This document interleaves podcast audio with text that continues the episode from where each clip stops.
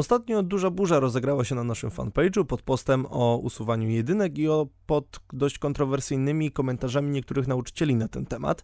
E, dlatego dzisiaj sobie o tym porozmawiamy, o tym dlaczego powinniśmy usunąć jedynki i dlaczego powinniśmy usunąć wszystkie pozostałe oceny w tej formie, w jakiej funkcjonują aktualnie. A nie są to tezy tylko z mojej głowy, tylko są to tezy podparte argumentami, które tak naprawdę zbierałem przez długi czas i które utwierdziły mnie w tym przekonaniu. Numer jeden. Zalążek oceniania. Po pierwsze, będąc ocenianym w szkole, przyzwyczajamy się do oceniania. Staje się to dla nas pewną naturalnością, czymś całkowicie normalnym, e, czymś, co jest no, nieodłącznym elementem naszego życia. E, I takie ocenianie nas w szkole jest zalążkiem tego, że potem wszyscy siebie oceniamy w dorosłym życiu. Jeszcze pół biedy, jeżeli oceniamy się dobrze i powiemy koledze czy koleżance, cześć, nie wiem, masz ładną koszulę, albo cześć, masz fajne buty, fajny zegarek, cokolwiek. No ale gorzej, kiedy chodzimy i mówimy, ale ten ktoś jest głupi, ale ten ktoś brzydko dzisiaj wygląda, ale ten ktoś, nie wiem, ohydnie robi to i to, oceny w szkole są zalążkiem oceniania w dalszym życiu, bo y, no, ciężko nie nasiąknąć czymś, czym jesteśmy faszerowani, będąc, będąc tak naprawdę małymi dziećmi jeszcze e, i mając y, no, tak naprawdę kilka lat, bo idziemy do szkoły w wieku 7 lat aktualnie, 6-7, no i ciężko jest nie nasiągnąć tym ocenianiem, no i nie przekładać tego potem na swoje dalsze życie. Drugim powodem jest fakt, że oceny stają się celem samym w sobie.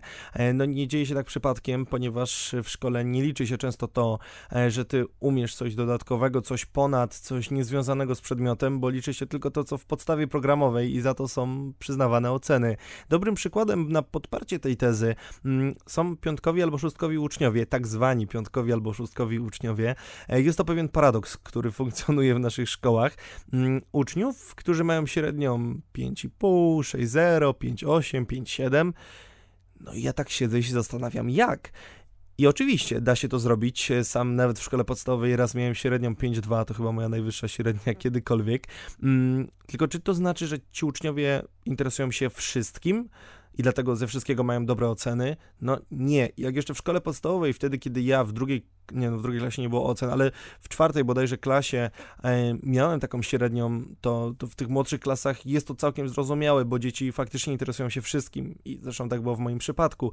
Mm, natomiast no, w liceum, mając kilkanaście przedmiotów, ciężko jest interesować się w tym samym czasie wszystkim. I oczywiście są jednostki, które faktycznie e, interesują się zarówno informatyką, polskim, fizyką, biologią, chemią, geografią i historią, a przy okazji jeszcze WOS-em ale są to jednostki, a większość piątkowych i szóstkowych uczniów to są osoby, które uczestniczą w jakimś chorym wyścigu szczurów dla jak najwyższych średnich i nie mają ani grosza pasji i jakiegokolwiek zaciekawienia tematem e, względem tego, czego się uczą. E, dlatego oceny stają się no właśnie celem samym w sobie e, i uczymy się nie po to, żeby no, wiedzieć, żeby dowiedzieć się czegoś nowego, tylko uczymy się po to, żeby dostać dobrą ocenę. A to nie powinno tak wyglądać i to zabija naszą ciekawość do świata. Numer 3. Oceny powodują zachowawczość uczniów. A co to znaczy?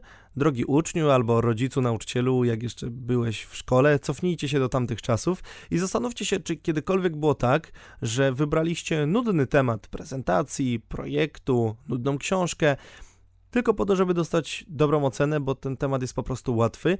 I czy zdarzyło się kiedyś, że wybraliście najtrudniejszy możliwy temat, dlatego że był on dla Was ciekawy i mimo tego, że dostaliście jedynkę albo dwójkę, to byliście z tego powodu zadowoleni? No, w 90% przypadkach, przypadków nie. A dlaczego?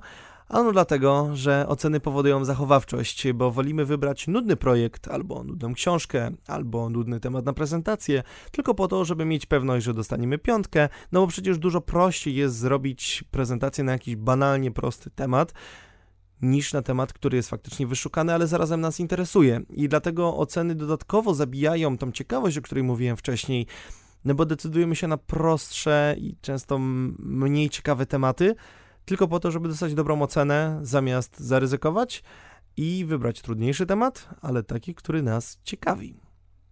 Numer 4, czyli zjawisko błędnego koła złych stopni. Spójrzmy na uczniów. Y, duża część z nich jest przez nauczycieli szufladkowana. Oczywiście nie chcę generalizować i nie każdy nauczyciel szufladkuje i nie każdy uczeń jest szufladkowany, ale jednak takie zjawisko następuje. Mm, a co za tym idzie? Uczeń piątkowy odczuwa presję, że musi mieć ze wszystkiego piątki i on nawet jeżeli ma coś totalnie, no, no coś go totalnie nie interesuje, to będzie się uczył tylko po to, żeby tą piątkę otrzymać. E, ale podobnie jest e, ze złymi ocenami i, to mam na myśli mówiąc błędne koło złych stopni, e, czyli kiedy mamy ucznia, który ma same trójki i dwójki, powiedzmy, no to nazywa się go złym uczniem, uczniem zdolnym, ale leniwym, jakże częste stwierdzenie. I ten uczeń w pewien sposób przyzwyczaja się już do tego stanu wiedzy. Rzadko kiedy nauczyciel staje naprzeciwko ucznia, który ma same trójki i mówi: Słuchaj, ja wiem, że teraz jest kiepsko, wiem, że masz same trójki, może to jest gorszy okres u ciebie, może ci się nie chce, ale ja wiem, że ty dasz radę, wiem, że uda ci się dostać lepsze oceny, wiem, że jest to w twoim zasięgu ręki. No, rzadko się to niestety zdarza, a to pozwala wyjść z tego błędnego kręgu, błędnego koła e, złych ocen. E, dużo częściej e, zdarza się tak, że przy oddawaniu sprawdzianów, no, komuś, kto dostaje znowu dwa, już nawet nie zostawia się żadnego komentarza. Mówi, no masz Maciek, znowu dwa. No i to powoduje, że ten uczeń zamyka się w sobie i nie dąży do poprawy tej sytuacji, no bo stwierdza, że to jest po prostu normalność. Numer 5, czyli oceny za ładne oczy i za bycie głodnym. Zjawisko faworyzowania w szkole. Spotkał się z tym praktycznie każdy uczeń. Jeden względem siebie, drugi względem koleżanki, kolegi, ale jednak się spotkał. Ehm, ocenianie ma taki pewien minus, że te oceny są bardzo subiektywne i były badania, które wskazały na to, że osoby ładne, osoby elokwentne, e, osoby przystojne dostają częściej niższe wyroki w sądach niż osoby, które takie nie są. I podobnie w zasadzie dzieje się w szkole. Kiedy mamy dobrą relację z nauczycielem, to dużo łatwiej jest nam dostać piątkę z odpowiedzi ustnej, niż osoba, która tej relacji nie ma. I oczywiście sprawdziane są jakimś antidotum i w pewien sposób ocenianie jest według jednego klucza, ale tylko w kontekście zadań zamkniętych, bo zadania otwarte również są oceniane według nauczyciela i sam wielokrotnie widziałem, że za te same odpowiedzi niektóre osoby dostawały 0 punktów, a inne 2 punkty i faktycznie da się w ten sposób zrobić. Mm, no, jak często zdarza się, że ci piątkowi uczniowie, moi ulubieni piątkowi uczniowie, e, dostają kolejną piątkę, mimo tego, że w zasadzie to nie przyłożyli się do jakiejś pracy. Kolejna prezentacja, którą oni zrobili tak troszkę na odczep się i normalny uczeń dostałby coś niższego, a ten, który ma same dwójki, dostałby dwa no to ten piątkowy uczeń dalej dostaje 5. Tak samo jak dużym czynnikiem determinującym może być głód, no bo jeżeli jesteśmy głodni, to jesteśmy źli. No i nauczyciel, który jest głodny, a ocenia pracę, będzie dawał niższe stopnie niż ten nauczyciel, który jest najedzony, więc te oceny w aktualnym formacie dają bardzo dużą elastyczność e, nauczycielom, e, a co za tym idzie, no nie są zbyt w porządku i nie są zbyt fair względem ogółu uczniów. Numer 6. Oceny końcowo-roczne. No i mój ulubiony element oceniania uczniów przez cały rok, czyli ocena końcowo-roczna. Jedna z nielicznych ocen, które trzeba wystawić zgodnie z polskim prawem, które nauczyciel musi wystawić w ciągu roku. Jest to dla mnie tak abstrakcyjna forma, że aż dziwię się, że nikt wcześniej jakby nie próbował jej usunąć e, ze szkół na zawsze. Żaden minister o tym nie rozmawiał. Mm, o cenach w formie cyfry na koniec roku, bo czym innym jest ocena opisowa, tak jak w szkole podstawowej, ale czym innym jest cyfra. E, ocena w formie cyfry na koniec roku nie informuje nas o niczym, bo okej, okay, ja dostałem 4 na koniec roku, a ktoś inny też dostał 4, tylko ja dostałem 4, bo na przykład na angielskim mam problem ze słuchaniem i z pisaniem, a druga osoba dostała, bo ma problem z uczeniem się słówek i z gramatyką. Niby ocena jest ta sama, ale jednak opinia zwrotna jest całkowicie inna i przeciwna. no i dlatego powinniśmy, powin... no i dlatego powinniśmy no i dlatego powinniśmy się zastanowić, czy ocenianie końcowo-roczne w formie cyfry bez uzasadnienia jest jakkolwiek sensowne. no, oceny w formie cyfry nie niosą ze sobą żadnej wartości, one nie są żadną odpowiedzią zwrotną, a tak naprawdę to jest główny cel wystawienia ocen jakichkolwiek, czyli dać uczniowi do zrozumienia, co robi dobrze, a co źle. A co daje mu ta cyferka? On dzięki temu jest w stanie wejść w szereg i ustawić się między Basią e, a Krzyśkiem, e, bo Basia ma 4, Krzysiek ma 6, no i jak mam 5, no to w takim razie jestem pomiędzy nimi. Co to w ogóle znaczy?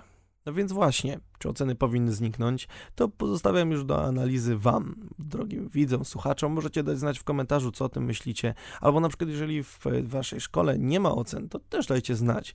Jestem ciekawy jestem ciekawy, czym zostały zastąpione. Bardzo chętnie się dowiem.